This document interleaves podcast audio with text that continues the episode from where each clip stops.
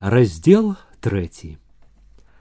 Гора, якое было ганне такім вялікім, багата каго з куранёўцаў не вельмі засмуціла. Немало хто падзею гэту зусім і не палічыў за вартую нейкай увагі, ёсць бедаваць пра што, памерла малое, бы якое дзіва, бы рэдка ідуць яны на той свет якраз жа ў гэту пару найбольш і косіць ва ўсіх старая ведьма людскі прыбытак.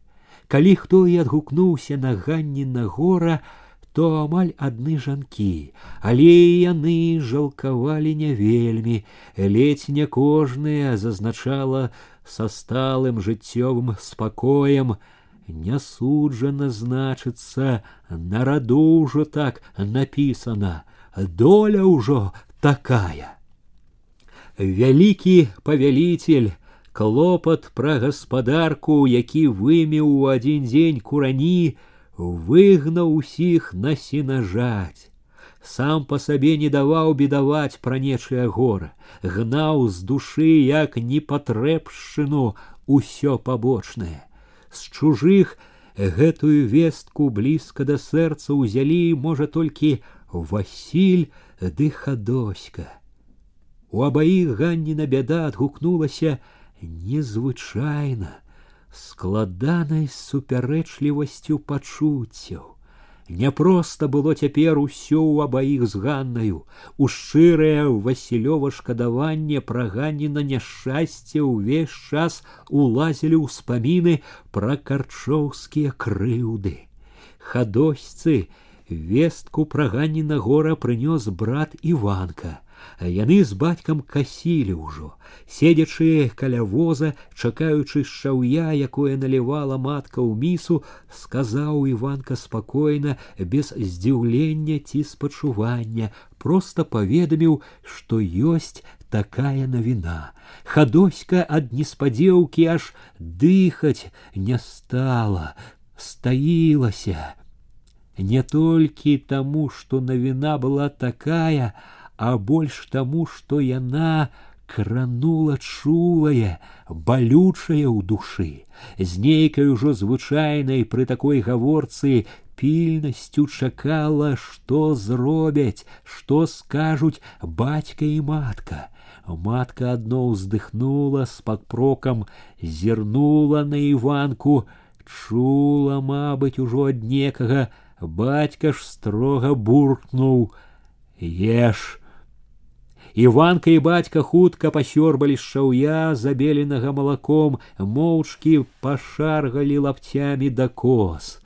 Хадоська помогла матцы з міскай з лыжкамі схадзіла да лужынкі, пры кустах перамыла, выцерла ўсё, накрыўшы памытае ручніком ад усякай балотнай нечысці хадоська ўзяла граблі ветрык хадзіў яшчэ ранішні свежы але чуўся ўжо і подых недалёкай гарчыні хоць і нямоцна пякло шыю і руки трава вяла і кусты і стажкі наводдаль пачыналі брацца смугою дрыжаць Солнце зіхцела па ўсёй шырыні балота, калі хадоська ўзяла рупіцца побач з маткаю, пераварочваць, варушыць яшчэ не падсохлае сена, ад сонца гэтага ад ранішняй дужасці ў руках ад звыкласці клопату забылася сышла з душы прыкрасць супярэчлівая няёмкасць якую дала иванова вестка не думала ні аб чым варушыла толькі граблямі поўнілася толькі ціхім клопатам працы сонечнай цеплынёй ранішняй свежасцю Праўда, вочы як бы самі з сабой беглі то туды дзе за кучарамі лазы былі ўсе дні ганна карчы то к дарозе, што паўз лес ішла к сялу, яшчэ здалёк заўважыла калёсы, пазнала ганну яўхіма старую глушачыху, калі наблізіліся, бачыла ганна прыпала амаль да каленя, трымала малую на руках як жывую, Вялікае гора было відно нават у тым, як яна курчылася над малой, нават звод далек. Хадоська вострым позіркам бачыла ўсё, усё разумела, але як бы нічога не адчувала. Хоць бы на міг паявілася спачуванне ў яе зеленаватых, холодных, як ільдзінкі вачах стаяла, не варухнуўшыся, прыціскаючы востры канец грабільна да грудзей, хвіліну другую не зводзіла вачэй і чула ў сабе непарушны спакой. Быў спакой, хоць там сядзела Ганна, хоць побач груганом горбіўся той, хто даў ёй хадось столькі гора, хто можна сказаць скалечыў ёй усё жыццё. Хадоська глядела спакойна, можа ўпершыню за гэтыя гады так спакойна. Бог пакараў іх, заступіўся за яе, пакараў за ўсё.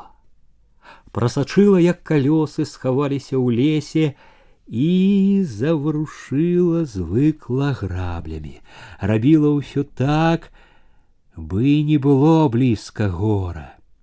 Бачаная праўда трохі яшчэ жыло ў памяці, але не вяло ў душу жалю, не думалася, чула толькі Бога, поўнілася яго праўдаю, яго сілаю хутка і зусім забыла ўсё, чула адно ў руках цёплая грабільна, бы і не было нічога акрамя грабель, акрамя шаматкога сена, спрыту, дужасці ў руках.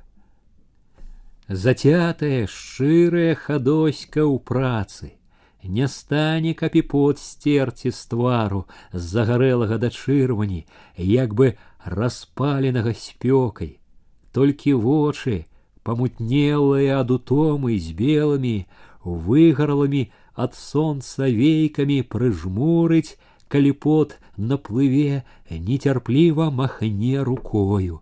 Праўда, коса часам развяжется, закоўзаецца па плячах па спіне, тады прыпыніцца хутенька прывяжа, накрые хусткай ды зноў заграблі. Волосы, что бялюткімі кудзеркамі выбіваюцца з-пад хусткі ля шыі пацямнелі, мокрыя аж вода цячэ з іх, цячэ вода па гарачай шыі па твары з крапінкамі канаплянкамі, салоніць губы, але хадоська ганяе і ганяе граблі. Калі-нікалі яшчэ похапкам вытра смяглыя, пачарнелыя ў куточках губы, страшэнна сушыць смага як мара успамінаецца біклашка под возам, э толькі хадоська не бяжыць да яе трывае, умее трываць хадоська. Хорошая яна сабою стала, красуня канапляначка, невялічкая, акуратная, як казаў хоня, яна яшчэ пакруглела, здаецца, уся налілася дужасцю, Дужая стала яе шыя, дужыя паўнаватыя руки, прухкія ногі, поўныя грудзі напіналі ў высокапалатняную кофтачку. І хадзіла і стаяла хадоська прама, заўсёды і ў паставе і ў рухах яе чуліся прухкасць і дужасць, хараство не абы як здаровай дзяўчыны у самай пары спеласці і яшчэ чулася ў хадосьцы нязнаная калісьці годнасць, строгасць, строгія былі вочы, строгія губы, што здавалася, не маглі смяяцца. Хорошая была хадоська, асабліва цяпер у заўзятасці працы, з пацямнелымі, як бы хмарнымі вачыма, з гарачымі губамі, з гарачым подыхам, у тым як яна рабіла бачылася колькі ў ёй і дужасці і маладога агню Прыгожая яна была сярод куб сена і лазняку, сярод зіхотнай, залітай сонцам сенажаці, толькі не было каму любавацца ёю. Усе нават хоне жылі сваім клопатам, рабілі. Адна маці распораз паглядвала, але не так з любаваннем, як ужо са звыклым жалям за немаведама чаму няўдалы дзявочы лёс яе. Тут на болоте матчына жалость часто была не толькі пра хадойшчыны лёс. Шкадавала маці, няхай бы перадыхнула трохі. Шкадавала, але не гаварыла хадосьцы, ведала, што тая ўсё роўна не паслухаецца. Нарэшце, дзякуй Богу, уткнула граблі ў купіну, падалася да воза, набгома п'е з біклагі, поставила біклагу зноў ямку под возам, могла б сесці, пасядзець хоць трохі, дык неш, зразу ж рупліва прастуе да грабель, ідучы касу перавязвае, выцірае твар. Увесь дзень да позняга вечара да цемрай шчыравала хадоська зграбала сена, зносіла з іванкам копы, з бацькам, з маткаю, з іванкам складвала стог. Нарабілася так, што ішла цёмным балотам к свайму агенчыку, як не сваімі нагамі. Усё цела было як не сваё. Ледзь сагнула спіну, каб памыцца з лужы каля куста, але яшчэ ўзялася памагаць матцы падаць вячэру, зноў памыла потым посуд, лыжкі. Павалілася спаць, не чуючы нічога. Думала, засне зараз жа. Санлівая дрымотнасць і праўда агарнула ў момант, ухапілася, звыкла закалыхваць. Але не закалыхала зразу, сон не ўзяў невядома адкуль у зморанай санлівасці паявілася затрывожыла незразумелая, але чула яна нядобрая клопатнасць. Потым, як бы неспакойны ветер прайшоў, чамусьці заныла ў грудях. Стала чагосьці жаліва, чагосьці стала браць горнасць. Быў балотны след, чорная тарфяная вода полезлі ў душу нядобрыя, а раптам неяк асабліва ясныя, пякучыя ўспаміны. Як стаяла над процьмай глінішанскага возера, як кружылася галава, як аб'язджаў беражок, як ішла да знахаркі, як сядзела, чакала, як ішла ад яе, Нібы нанова вярнулася чорная, холодная, страшная ноч. Нанова з большай неадступнай сілаю вярнуліся, узялі адчай, страх, боль, сорам.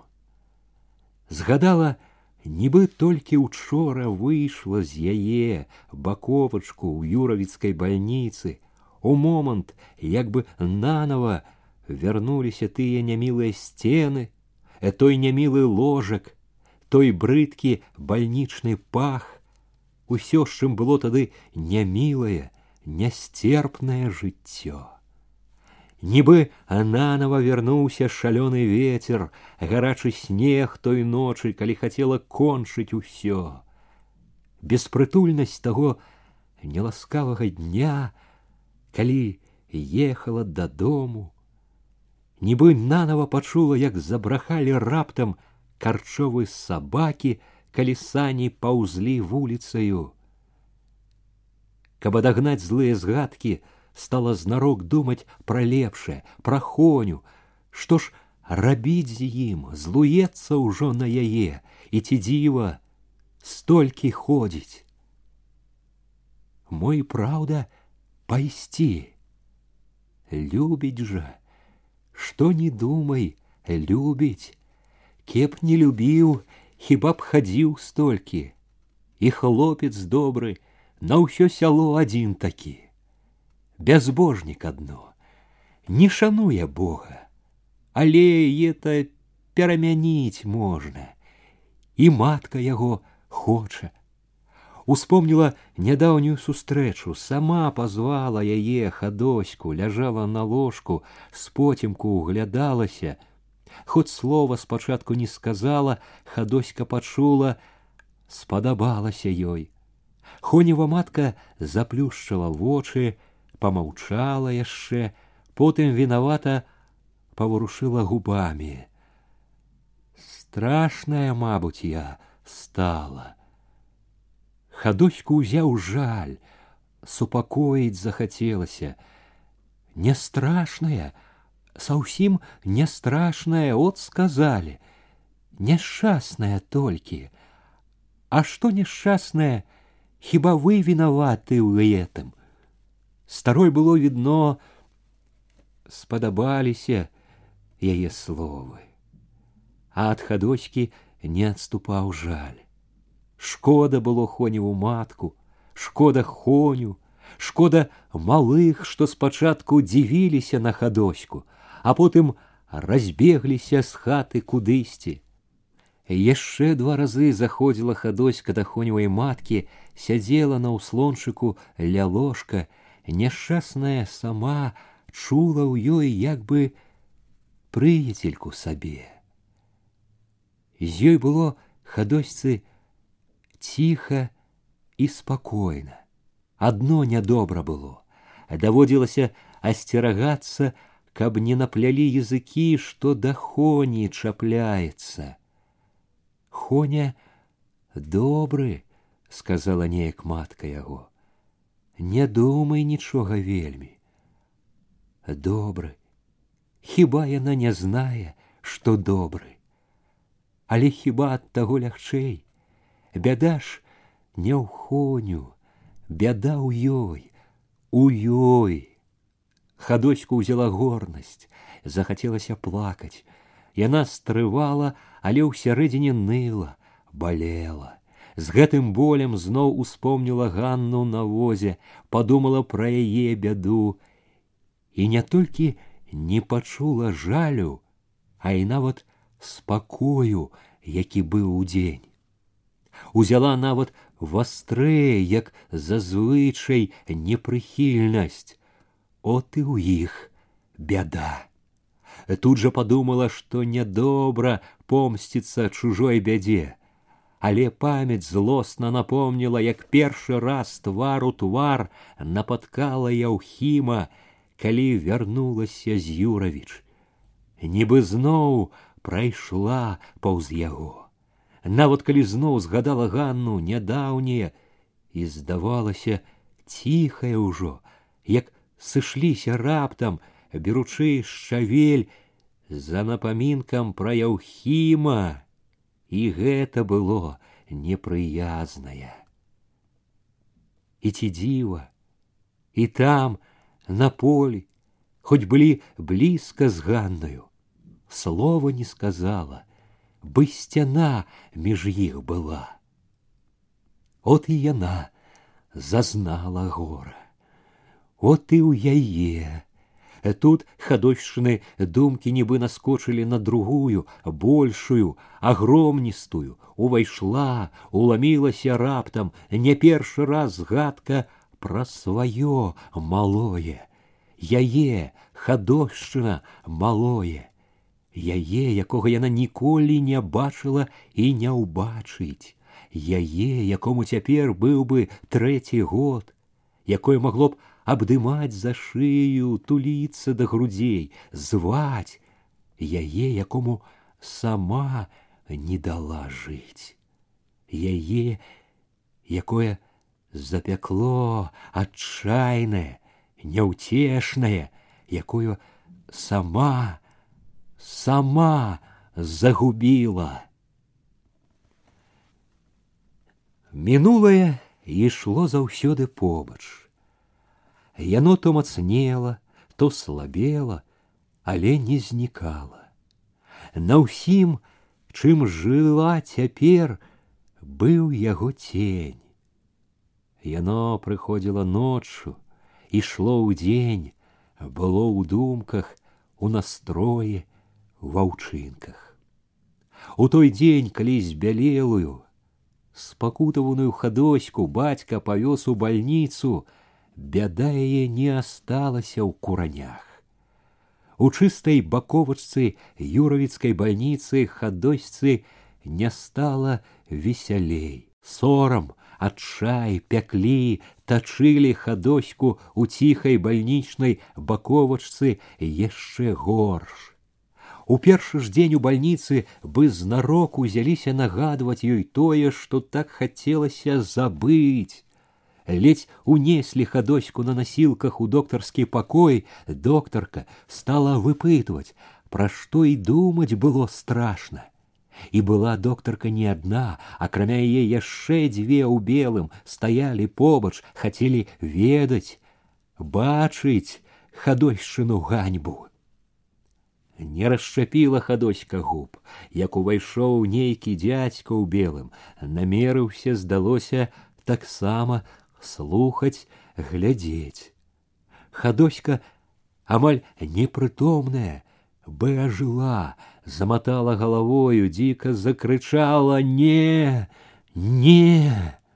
Яна ўсё крычала і рвалася ўстаць з насілак і калі дзядзька пайшоў і калі доктарка штосьці гаварыла супакойліва, крычала, пакуль зусім не аслабела ў моцных руках жанок у белым, страціла прытомнасць. Нямілая, Ненавіснае было з таго дня хадосьца ўсё. І белыя дактары, і гаваркія, назойлівыя жанкі суседкі і блізкі ельнічак за акном. Ёй чулася, што ўсе ведаюць пра яе. Здавалася, што і глядзяць не абы як, а з патайнымі, нядобрымі думкамі, як бы смеючыся з бяды яе, з яе сораму. Асабліва ненавідзела яна таго дужага нахабнага дзядзьку ў белым, пра якога казалі галоўны ўрач, які ледзь не кожны дзень абыходзіў усіх, пасміхваючыся, распытваў, аглядаў. Спачатку хацеў ён падысці і да хадоські, але хадоська ледзь убачыла гэта. Яго здалося брыдкую усмешачку на сытым чырвоным твары, затрэслася, як вар'ятка, закрыла вочы руками, закрычала. З таго дня дядзька не падыходзіў больш да яе, і калі быў ля суседак жанок, то трымаўся асцярожна, далікатна.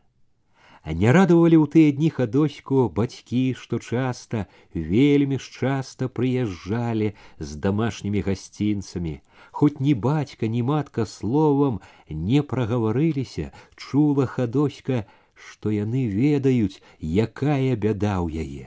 Гарэла ад сораму, ад вінаватасці, ад крыўды, маўчала непрыхільна, хвіліны дачакацца не магла, калі яны паедуць ад яе. Пасля сустрэч з бацькамі хадоську асабліва даймала трывога пра тое, што, мабыць, ужо багата хто ведае ў куранях пра яе грэх, ведаюць, можа, усе хлопцы, дзяўчаты, ведаюць, смяюцца. Яна часам так ясна ўяўляла, як гавораць, як смяюцца з яе, што здавалася, чула галасы, бачыла ўсіх у вачавіткі, хадоська камянела ад адчаю доўга-доўга шкадуючы згадвала хадоська бездань азярца каля глінішчаў. Чаму тады збаялася, не кінулася, не кончыла ўсё адразу, Ні адзін дзень, ні адну ноч строіла думкі, як загубіць сябе. За акном гулі вятры, лютавалі сіберныя стужы, вылезь ночью в вихурное поле ці ў лес, і ўсё кончыцца ў раз. Можна сесці, скурчыцца, заснуць. Сны кажуць, сниться будуць толькі. Не страшна і не балюча, і зразу стане лёгка, конец усёй пакуце зразу. Пад поўнач ціха выбралася ў калідор, санитарка спала на составленных табуретках, асцярожліва на пальчыках абмінула яе, дзверы былі замкнёны, але тырчаў ключ. Хапатліва крутнула ім, і нічога ўжо не цямячы рынулася ў сенечкі, за імі ў ветраную цемень у сівер. Санітарка потым гаварыла, бразнулі дзверы, моцна пайшоў холад. Хадоську здагналі за агародкаю у хвойніку, у снезе, можна сказаць, у адной сарочцы. На другі дзень прыехала маці адразу ж дачулася пра хадошчыну ноч і ці дзіва уся бальніца гула пра гэта. Чулая матчына сэрца ўміг зразумела, што задумала дачка. Глядзела на хадочку вачыма поўнымі болю і слёз. Бошкала, жахалася, благала рыбачка, хадосечка. Што ж это ты, галовачко, удумала? Бацьку, матку не шкадуючы, братиков, сястрычак. Ці ж мы не глядзелі цябе як вока сваё, не любілі, не шкадавалі хіба. Як же ты удумала такое? Хадоська слухала, але нібы не разумела нічога. Не было ў ёй ні шкадавання аб сваім учынку, ні жалю да маткі. Да ўсяго яна чула, як нешта сціскае, ломіць яе, поўніць усю такім холадам, што вось-вось не ўтрываеш, закалоцішся быў трасучцы. Яна заплюшчыла вочы, показала матцы, што спіць. У нястрымнай лихаманцы яна не бачыла, як сышоў дзень, як наступіў вечар, запалілі святло. Увечары холад раптам прапаў, целае стала гарэць, зрабілася так душна, што не было як дыхнуць. Праз нейкі гарачы туман бачыла яна доктара, якога паднялі сярод ночы, абыякова бы з далёкай далі чула, як ён мацаў ёй лоб, ставіў градуснік, доўгую бясконцую вечнасць, у якой не было ні днёў, ні начэй, не было нічога зразумелага, кідалася яна ў нясцерпным агні, у нейкіх блытаных, жахлівых відовішчах стагнала, мармытала, крычала нешта. Дактары казалі потым, што была ўжо трохі не на тым свеце. А прытомніла яна сонечнай вясёлай раніцай, на марознай шыбе зіхцелі радаснай іскрачкі зоркі, ачнулася з дзіўнай нечуванай лёгкасцю, бясхмарнасцю ляжала здавалася самой лёгкая бытая пушынка шапні ветер і паляціць яна той раз ляжала так нядоўга бо непрыкметна ўзяў сон такі ж лёгкі як і ява а наступнымі днямі тая ж лёгкасць была ў ёй не адыходзіла ні аб чым не думала нічым не турбавалася як бы іншы свет стаў і марознае святло праз шыбы і белая баковачка і дактары нават той галоўнай з чырвоным тварам інакш спаткала яна і шчаслівых бацьку і маці пачула нешта цёплае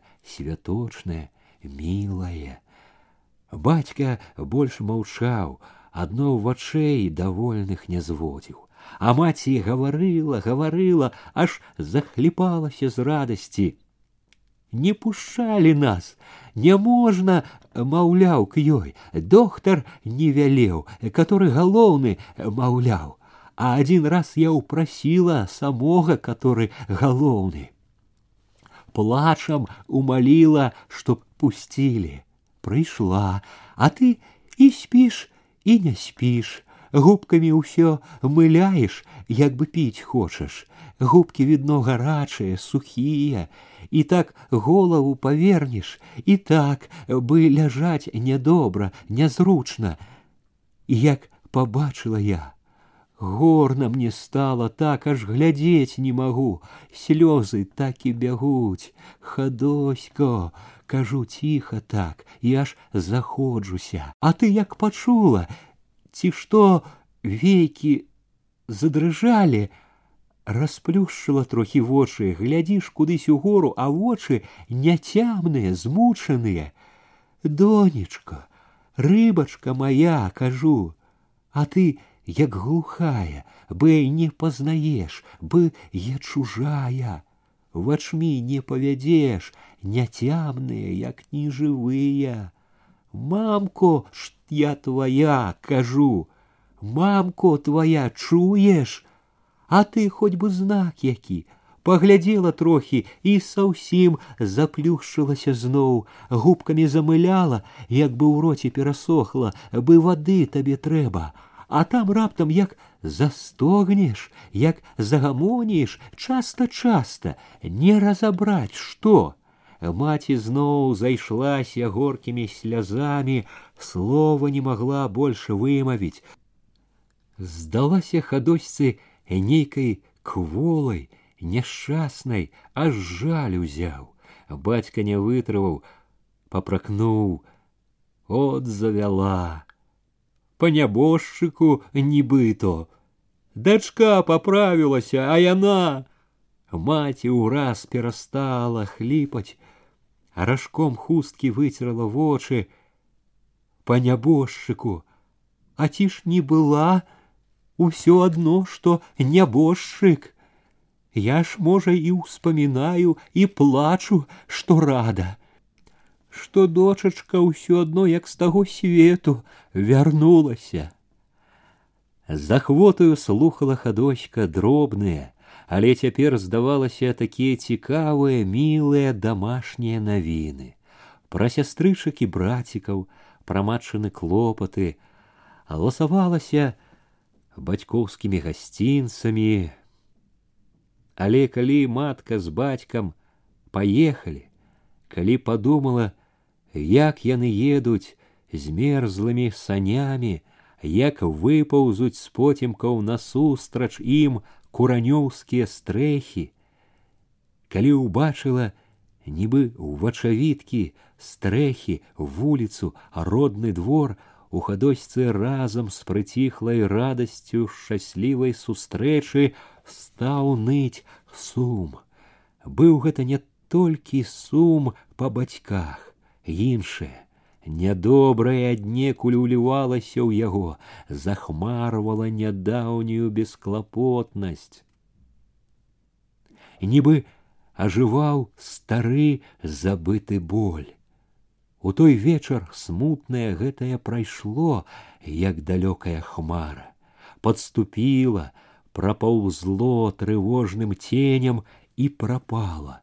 Хадоська заснула без прыкрых думак. Але на другі дзень хмара зноў паўзла ў яе адзіноту, нядобрае, нежаданае, якое не хацелася і заўважаць, чаплялася за яе брала ўсё мацней, усё назольней, нагадвала, малявала, прымушала разважаць.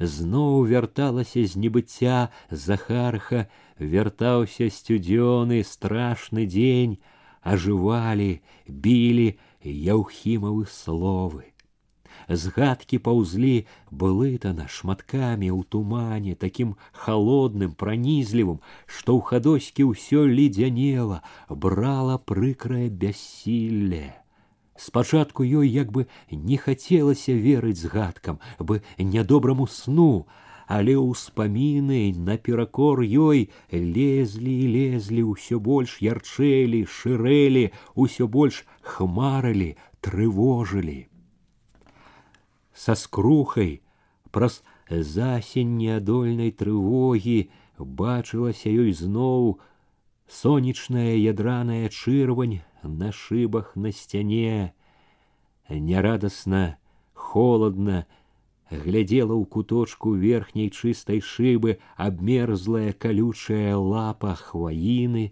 сумна, маўкліва назірала хадоська за жанкамі суседкамі, слухала іх нецікавыя гамонкі. Жанкі побач былі ўсё новыя, тыя, што ляжалі раней, паразыходзіліся па сваіх хатах, але перамена гэтая не супакойвала хадоську, і да гэтых была ў яе асцярога. Цяпер хадоська ўжо не шкадавала пра чорную процьму глінішанскага азярца, не строіла сабе думак, як уцячы, загубіць сябе. Ёй цяпер нават успамінаць пра тое, як яна ледзь не замерзла, было страшна. Немаведама, куды прапала нядаўняя рашучасць. Хадоська чула ў сабе дзіўную аслабеласць, кволасць, ад гэтай кволасці, ад бездапаможнасці сваёй перад бядою, якая не адыходзіла і дзень і ноч сцерагла яе. Хадоську часта браў адчай. Накрыўшыся з галавой коўдраю, уткнуўшы твар у патушку, яна душылася ціхім, горкім плачам, пякучымі слязамі аплаквала хадоська бесклапотную радасць сваю і даверлівасць, сваю няўдалую маладосць, з якой яна нібы развітвалася назаўжды. У першыя дні, заўважыўшы, што яна плача, жанкі звалі яе, супакойвалі, але яна не адгукалася, тады яе перасталі чапаць. Не гаварылі пустых слоў, не назалялі, далікатна, разумна маўчалі. Выплакаўшыся ў волю, яна звычайна спакайнела сама і засынала под коўдрай. У гэтыя дні апанавала хадоську яшчэ мацней набожнасць. Чуючы сябе адзінокаю бядзе, трывожачыся перад невядомым, якой ўсё больш палохала думкамі пра курані з нязнаным яшчэ палам, пацягнулася яна к Богу. Неба ёй было не проста неба, жыццё не проста жыццё. Усюды быў Бог, ва ўсім быў Бог, пра што не думала, ва ўсім згадывала Бога, малілася яму. Адданасць Богу яе даходзіла трохі не да вар'яцтва. Але як не малілася, як не аддавалася Божай літасці і справядлівасці, як не хацела верыць, што ўсясільны і справядлівы заступіцца, а бераже трывога ад думак пра заўтрашні дзень свой не толькі не адыходзіла, а напаўзала ўсё важчэй, усё чарней. Чым бліжэй чулася сустрэча з куранямі, тым больш расла трывога, знаёмыя з малку агароды, двары узболаткі не вабілі, а гразіліся. Сустрэча з куранямі здавалася цяпер сустрэчай з бядою, з яўхімам, з крыўдымі плёткамі, якія непакоі можа боль за ўсё. Яна нібы ў вачавіткі бачыла, як будуць глядзець на яе, калі яна паедзе куранёўскай вуліцай.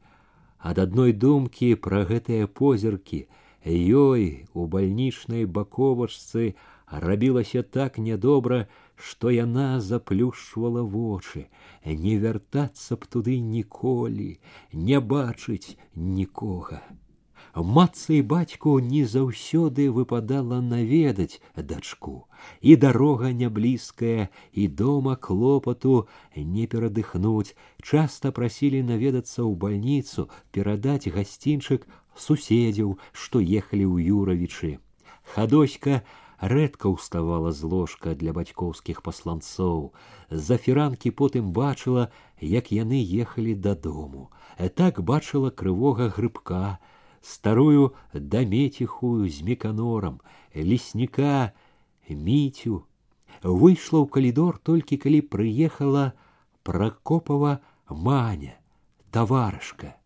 Маня як бы вельмі ўзрадавалася хадосьцы, але хадоська стаяла чужаватая, насцярожаная, ураз прыкмеціла, што глядзіць маня на яе не абы як, не так, як некалі.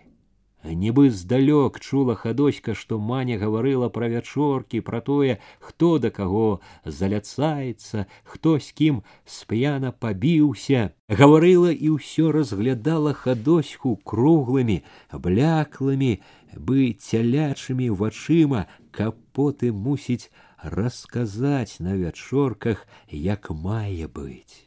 Хадоська ж чакала адно, калі яна змоўкне, калі здагадаецца пайсці. Ні сама яна, ні яе навіны хадоську не цікавілі. Але маня і потым, калі гаварыць ужо не было чаго стаяла, маўчала, лыпала цялячымі вачыма, пакуль хадоська не падалася першая ў сваю бакоўку. Пасля гэтай сустрэчы яшчэ цвярдзей думала хадоська не вяртацца ў курані поехать хоть куды, э, толькі б не сустракацца з бядой сваёй, з яўхімам, со страхам. Не першы раз шкадавала, што сваякі ўсе ці ў куранях, ці ў сёлах поблізу. Як не разважала, усё выходзіла сама лепш пэўна тут, у юравічах астацца. Мястэчка вялікае, и куток под страхою і работы абы ахвота была яшчэ раней дазналася у гэты вечар зноў гаманіла з местачковымі ляжала хадоська цяпер у вялікім пакоі побач было багата юравіцкіх і хату і працу можна сказаць знайшла з нецярплівасцю, з дзелавітай заклапочанасцю выглядывала ў акно бацькавы сані, узрадавалася, замітусілася, калі ўбачыла знаёмага рудога коніка, але калі матка і бацька ўвайшлі ў калідор, адкрыць жаданне сваё не зразу наважылася. Ой, мамка, што я вам скажу? знарок весела, бы лашчачыся, прытулілася хадоська да маткі, калі старыя сабраліся ўжо ехаць дадому. Што ж ты скажаш? Матка гладзіла па галаве, чакала, скажа якую-небудзь дробязь. Толькі вы не абіжайцеся, ужо без усмешачкі, папярэджваючы, попрасіла хадоська. Добра, Чаго это? Что ты удумала? Удумала. Только я добра разважила ўсё, маму. Не думайте, что это ветер у голове. Не будете? Так ты скажи наперад. Ну, не буду. Хадоська, а раптам як бы забаялася зноў. Яна помаўчала, сабраўшы сілу, не гледзячы на матку, выціснула амаль за чаем адным дыхам. Мамо, я хочу тут астацца, у Юравічах. Хадоська хоць і не глядзела на маці, бачыла. Матка зірнула на яе, не разумеючы. Чаго это?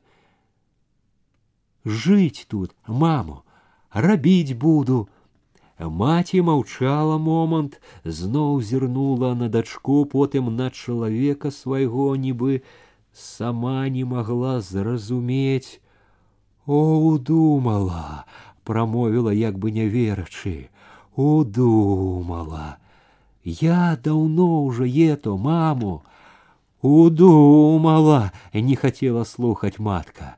І это ж трэба дадумацца да такога, Мамо, усё адно, пора уже мне, не век жа пры вас. Цесна табе, пагану табе прымацца ды бацьку было. Не цесна і не пагану, мама, а толькі не хочу я туды, маму. Матка не адразу знайшла, што сказаць, ледзь стрымалася, каб схаваць жаль аб дачцэ. Бацька пакруціў у руках пугаўё, прамовіў: Матка, нібыто праўду кажа.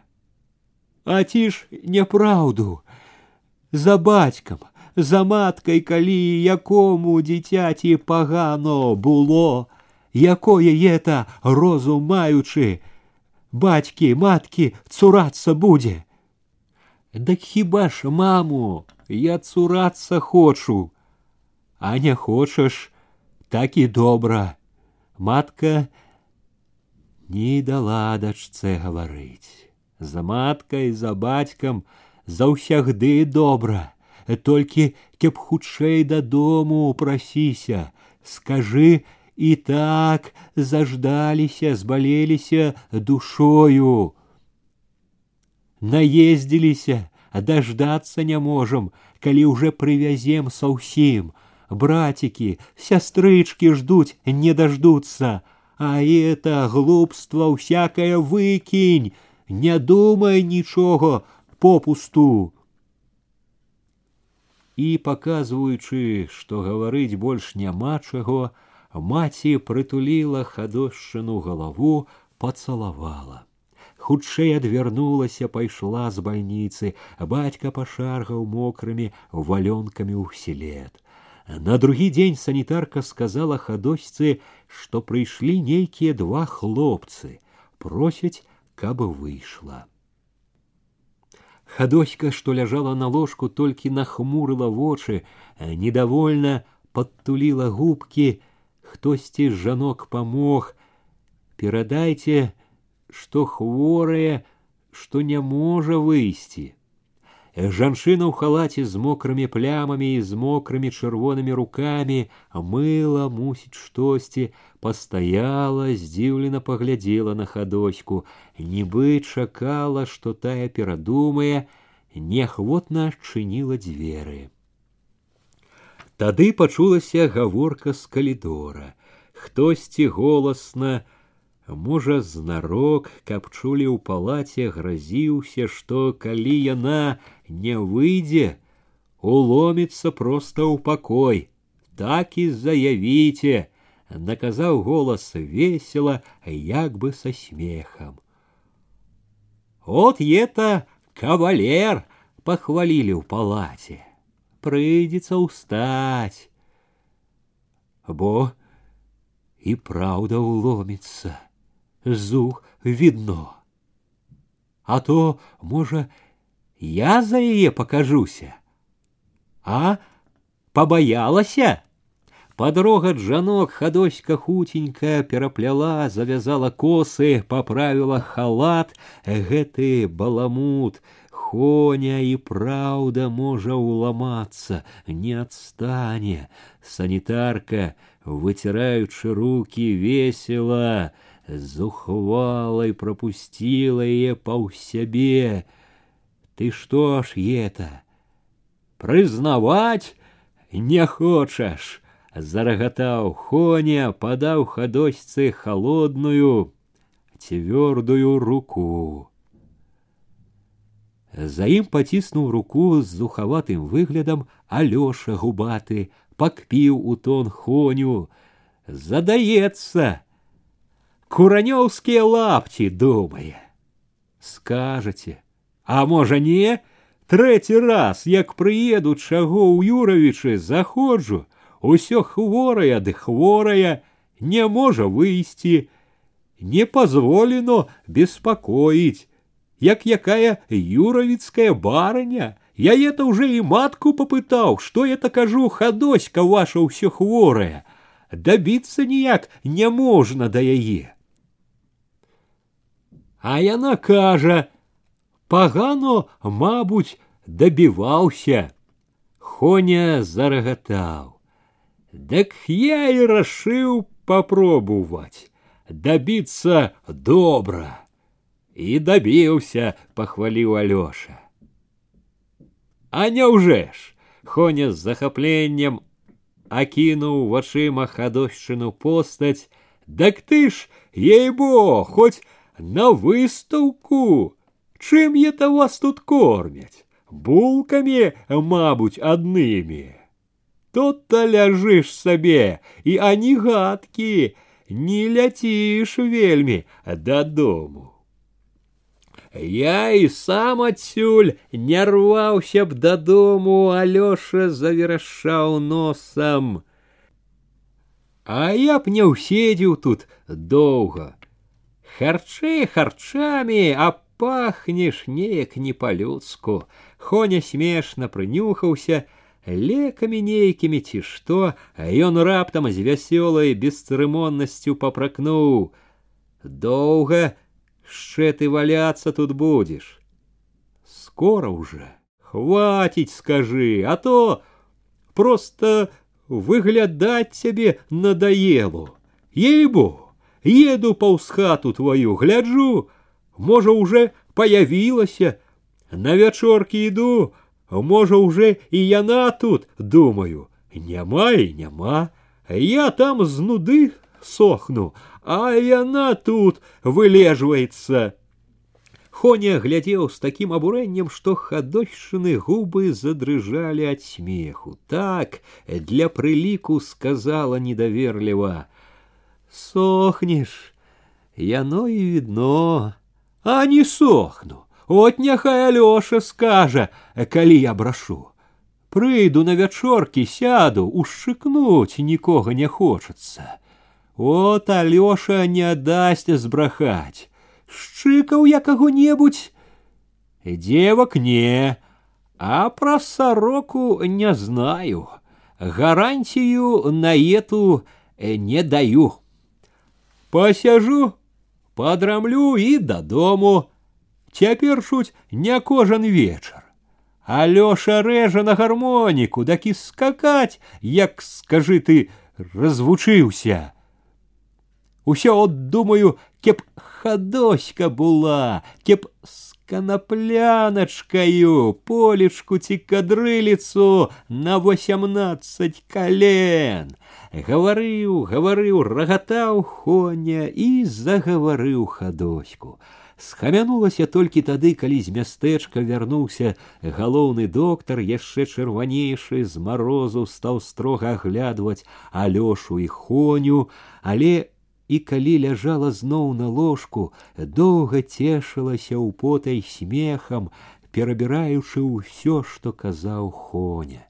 Да самай ночы весела згадвала вячоркі, дзяўчат, куранёўскія паляны, хадзіла, гаманіла лёгка, жвава, а ў поўнач бяссонная, стомленная, раптам зноў забілася плачам, таким горным, што ледзь могла ўтрымаць стогн. Ехала з больницы позднім сакавіцкім днём.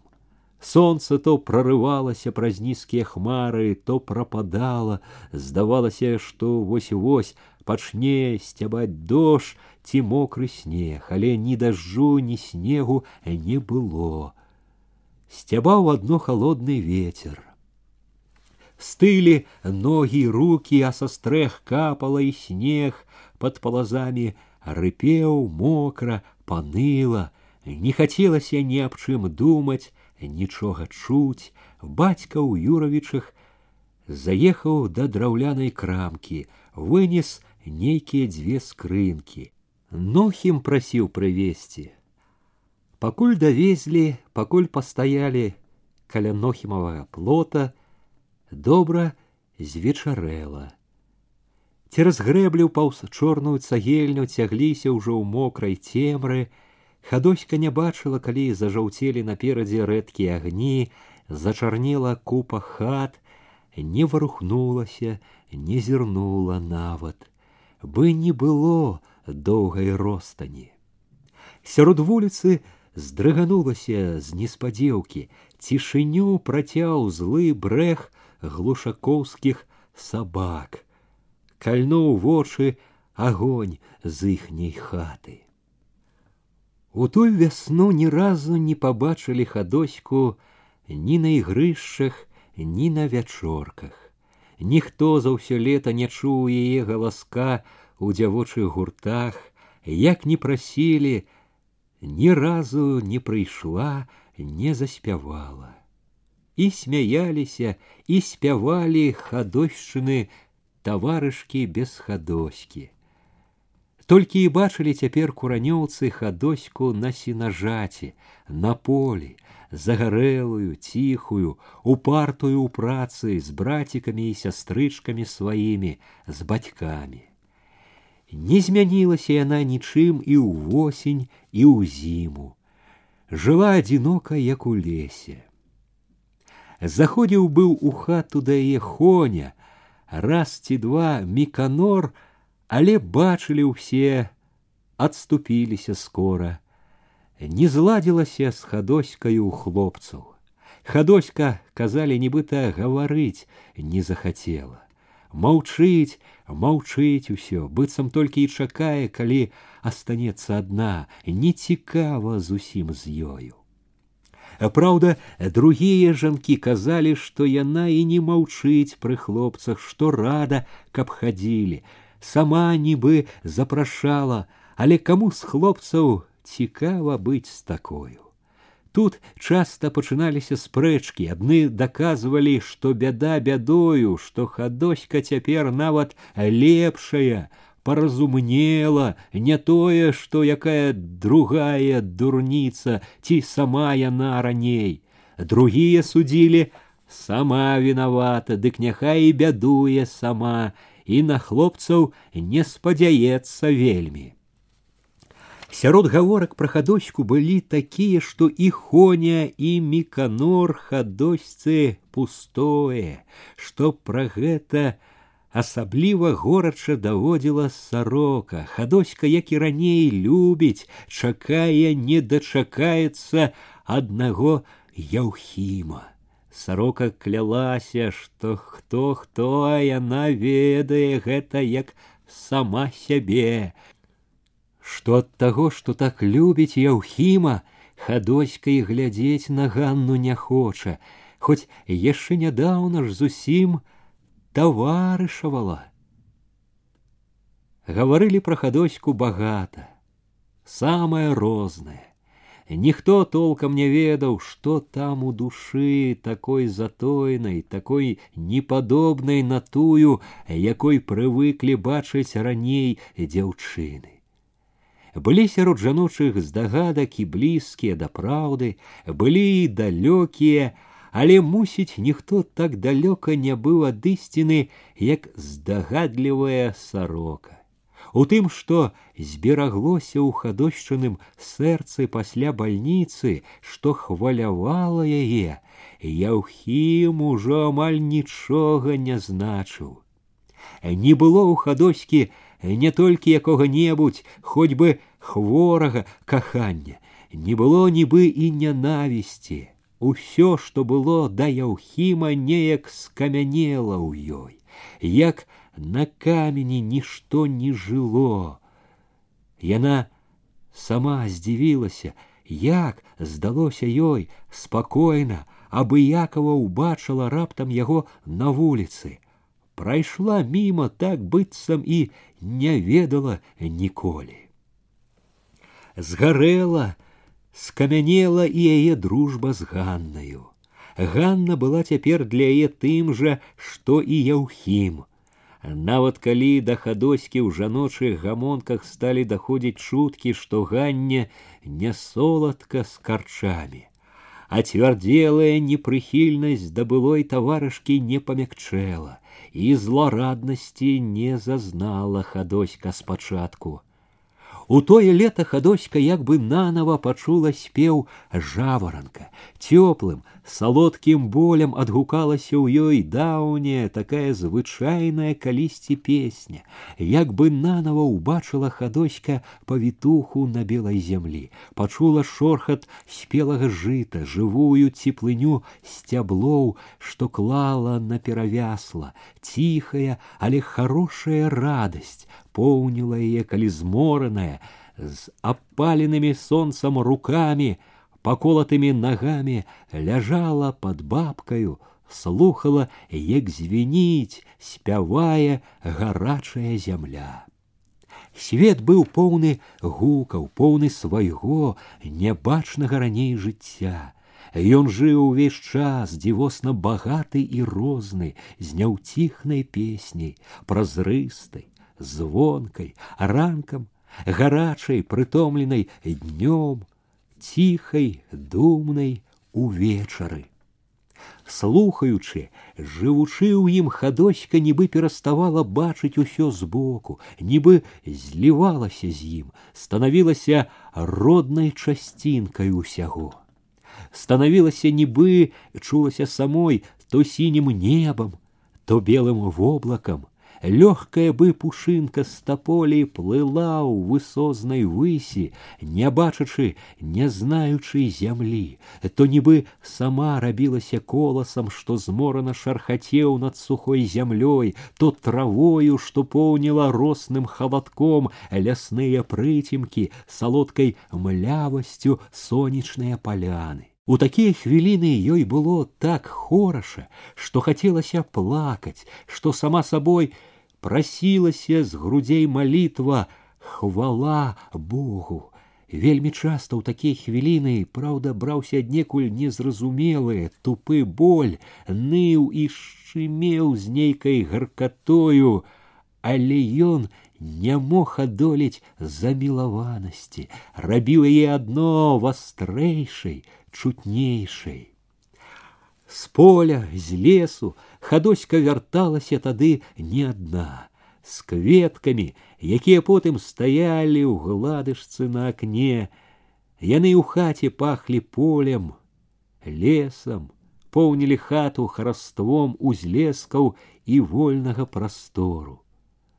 Але ў іх паху скора чула хадоська смутак смерці хоць даглядала іх, мяняла ваду, кветкі гінулі.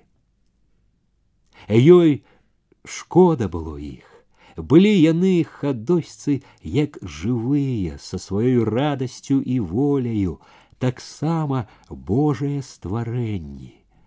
Ад гэтага як не любіла яна кветкі і рвала потым іх ці ў полі, ці на ўзлесках і мала і рэдка цешылася дома сваімі хатнімі, якіх было поўна ў гліняных гаршочках на вокнах і ў агародчыку перад хатай. Цешыцца было чым. Летам агародчык буяў усімі барвамі красы. Калі вярталася дадому, яны як бы віталі па-сяброўску, рэзка, мята, вяргіні, мальвы. Яны былі ёй як сяброўкі, мілыя, шчырыя, надзейныя. З таго летняга дня, калі хадоська нанова пачула спеў жаваранка, свет для яе як бы перамяніўся.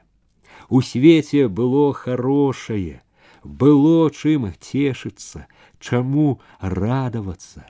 Не было ўжо нядаўняй беспрасветнасці. Хадоська не чула сябе ўжо такой адзінокай, але ў вялікай перамене, што адбылася ў свеце навокал, менш за ўсё змяніліся для хадоські Божыя стварэнні, якія спрадвеку завуцца людзьмі. Можна сказаць, што цяпер для хадоські яны, не лічачы бацькі, маткі, брацікаў, сястрычак, былі менш як калі відныя і чутныя. Знайшоўшы сабе ў свеце вялікую ўцеху, хадоська не думала ўжо з такім страхам, што пра яе гавораць, як глядзяць на яе, яна ўжо як бы менш залежала ад іх, і ёй было лягчэй. Мінулі лета, восень, зіма, пайшло другое лето, а хадоську не пахіліла да людзей. Як і раней не чула сябе хадоська сярод людзей так добра, як сярод дрэваў ці жыта. Як і раней трапіўшы ў грамаду, яна нязменна маўчала, старалася адно адасобіцца, адыходзіла так быццам вырывалася з няволі.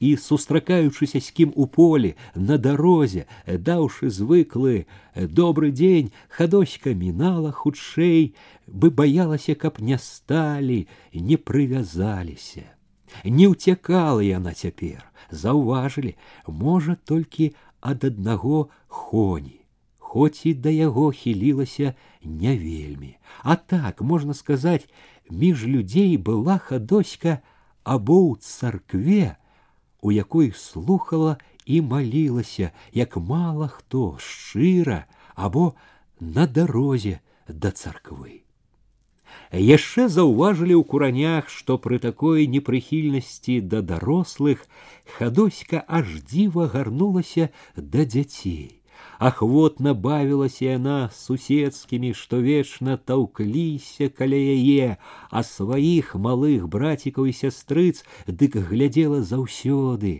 мілавала бы матка і карміла і паіла і мыла і не адзін дзень для прыліку а ўсе гады і з якою ахвотаю з якою любасцю ігнаціха хадольшина матка нахваліцца ёю не могла.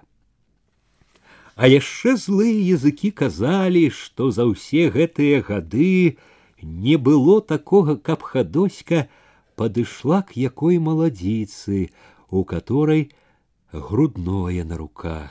Казалі, бачыць не могла, чарнела тварам, уцякала падалей адразу. Усяго всякага калі было дагаворкі казалі пра хадоську і было ў тых гаворках іншы раз і такое што ў яе не ўсе дома што яна трохі не інакш кручаная і невядома яшчэ чым яно ўсё кончыцца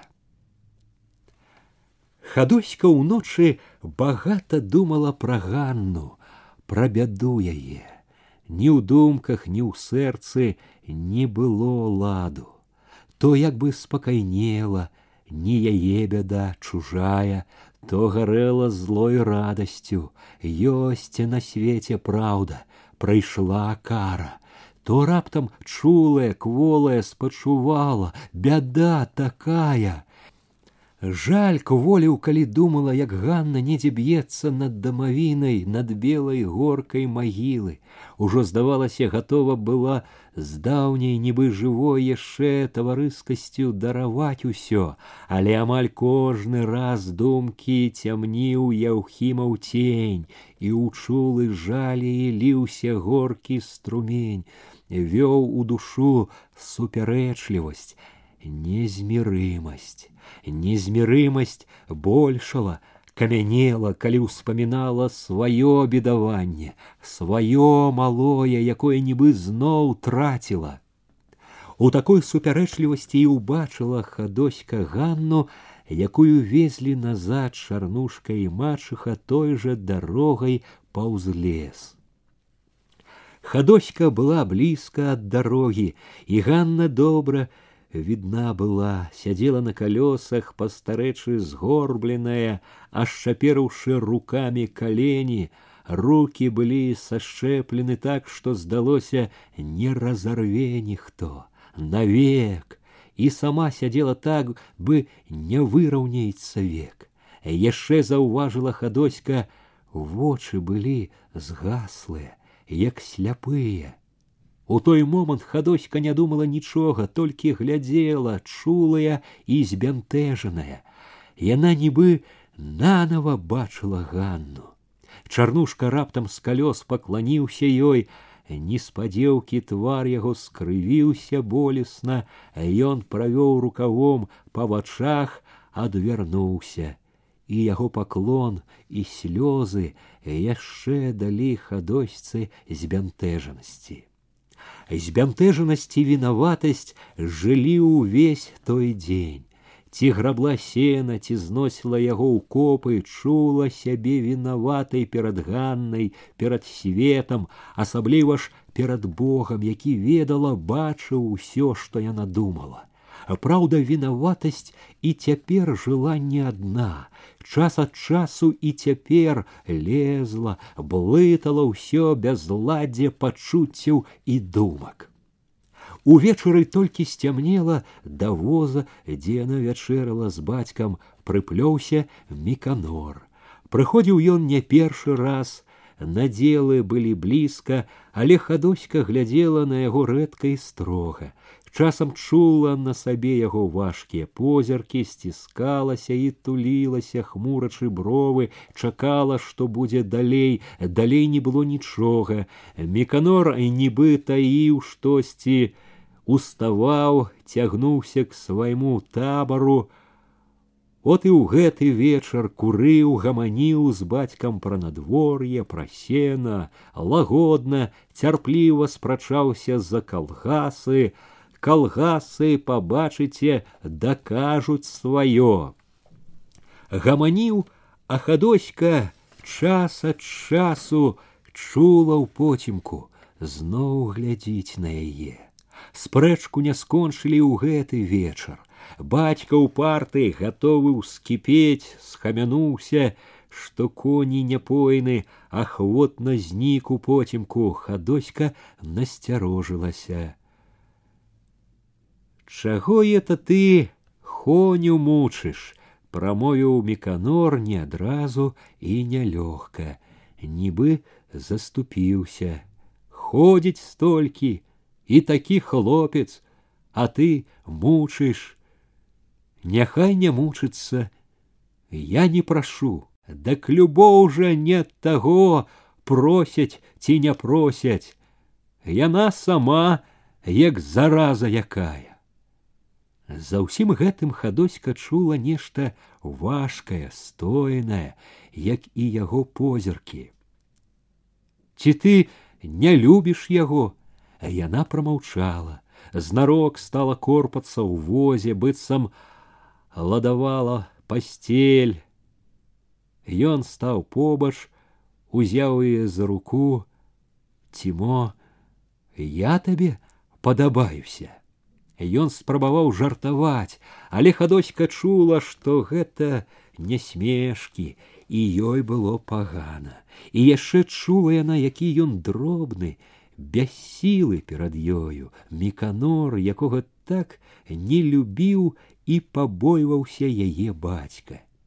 Ён, праўда, не аддаў руку, калі яна хацела ўзяць, знарок з мужчынскага гонару сціснуў дужэй, абняў дужаю рукой і ўсё ж хадоська чула сябе мацнейшаю, варухнула непрыхільна плячыма, і ён нехаця выпусціў, адышоў, закурыў папяросу не падабаюся значыць яна не адказала тут пачулася бесклапотнае пасвістванне хтосьці ішоў да іх яшчэ да таго як той падышоў абое ведалі ўжо хоня хоня бліжэй перастаў свістаць паздароўкаўся ціха стрымана толькі калі міканор адказаў зарагатаў а я думаў бацько Ён жартаваў, рагатаў, як бы і заўважаць не хацеў, што міканор сёння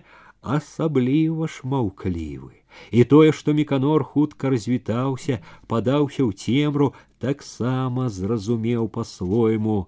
Стаў дурэць, хапаць за руки, абдымаць, як хапаўся, абдымаў кожны раз, ледзь выпадала астацца ўдваіх і ў поцемку. Яна вырывала руки, выкручвалася, а ён, быццам так і трэба было, хапаўся зноў, туліў, смяяўся.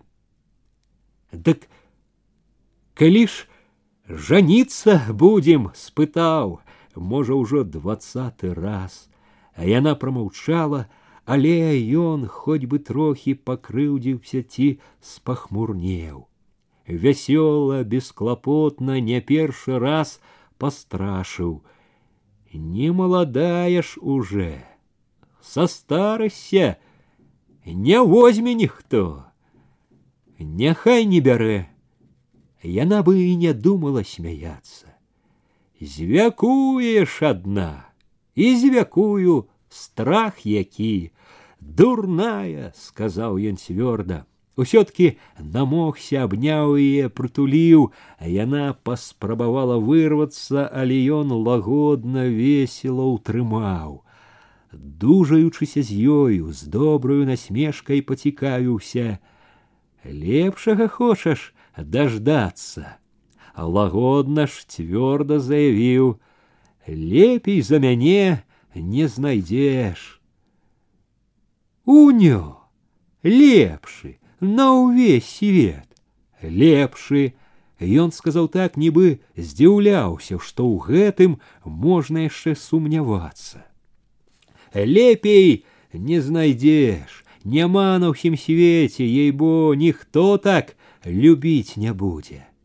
Усім вы так кажаце, я, я нікому, табе толькі. Знаеш жа, Яна перастала ўжо рвацца, калі ў цемры пачулася нядобрае гм.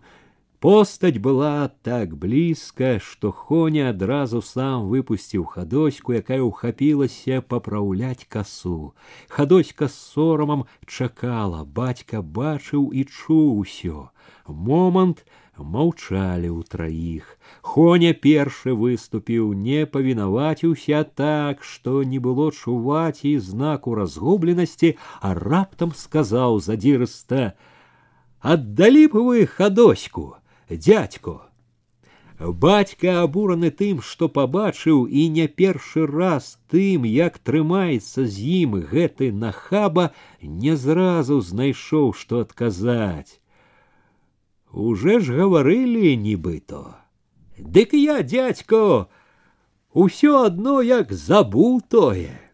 Дак яшчэ раз скажу, даў волю гневу свайму ігнат. Не будзе маёй бацькоўскай згоды і не надзейся. Упарты ж вы, дядько, хоня бы пашкадаваў хадошчынага бацьку сказаў як старэйшы, разумнейшы. Ну, які ты, жаніх, аж закіпеў бацька. Які ты жаніх, ты не бачыш. Хадочцы не спадабалася гэта, самой захацелася запярэчыць, нашто казаць так. Хоня, калі б толькі ў гэтым клопат жаніх непаганы, не тое, што не горшы, а лепшы за другіх. Нашто казаць няпраўду і наогул, які б ні быў ён хоня, не трэба казаць такое, не трэба крыўдзіць за нішто чалавека. Дядько, жаніх я цяперашнім часам. У хоневым голасе усцешылася хадоська, не было і знаку крыўды. Першы на ўсе курані. У яго ціхай гаворцы чуліся такія годнасць і ўпэўненасць, што хадоську ўзяў нават гонар за яго. Цяпер для такіх, як я, усё і робіцца. Яна ж з голаду апухне ў цябе, кінуўся злосна бацька, і хадосьцы зноў захацелася заступіцца за хоню. Хоня не гультай і не трэба папракаць за беднасць. Дядько, скора будзе калгас. Я там буду першы багацей, пабачыце. Тут хадосьцы здалося, што хоня як бы аддзяліў сябе ад яе. Думкаю пашкадавала, папракнула, не трэба было пра той калгас.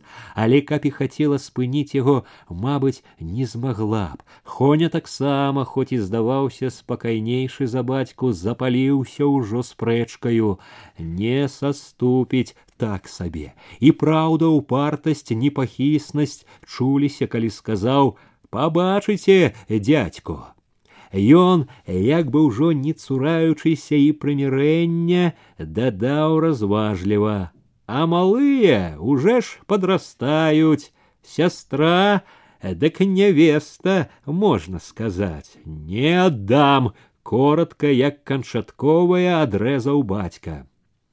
Хоня момант маўчаў, упарта ж непахісна заявіў: « Аддасце!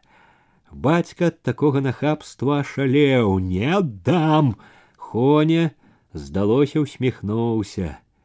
Аддасце! Хадоська, слухаючы гэта, аж перастала дыхаць, ужо не спачувала, а дзівілася хоню яго смеласці з бацькам, яго ўпэўненасці, што ўсё будзе так, як ён хоча і думае. Хадоську не абурала гэта. Ёй нават прыемна было тады слухаць гэта. Потым ужо яна падумала, што хоня дарэмна не саступіў, толькі раззлаваў бацьку. Доўга пасля таго, як хоня развітаўся, сышоў у цемру, бацька кіпеў, бурчаў: жаніх, жаніх, аддасці.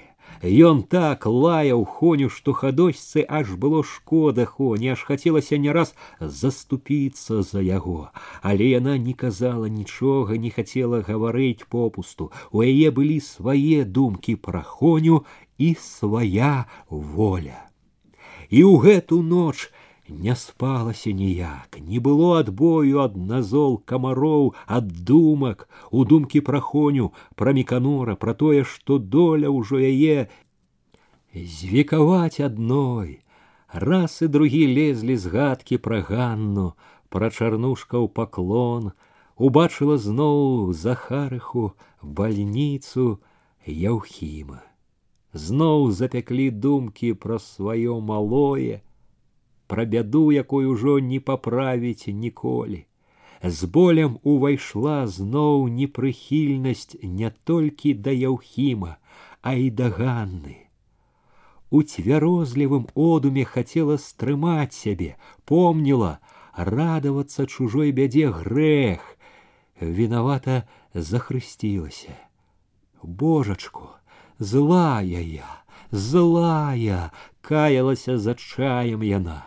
Што мне рабіць, парай, памажы мне, божачку, няма дабраты ў мяне, не магу забыць, не магу.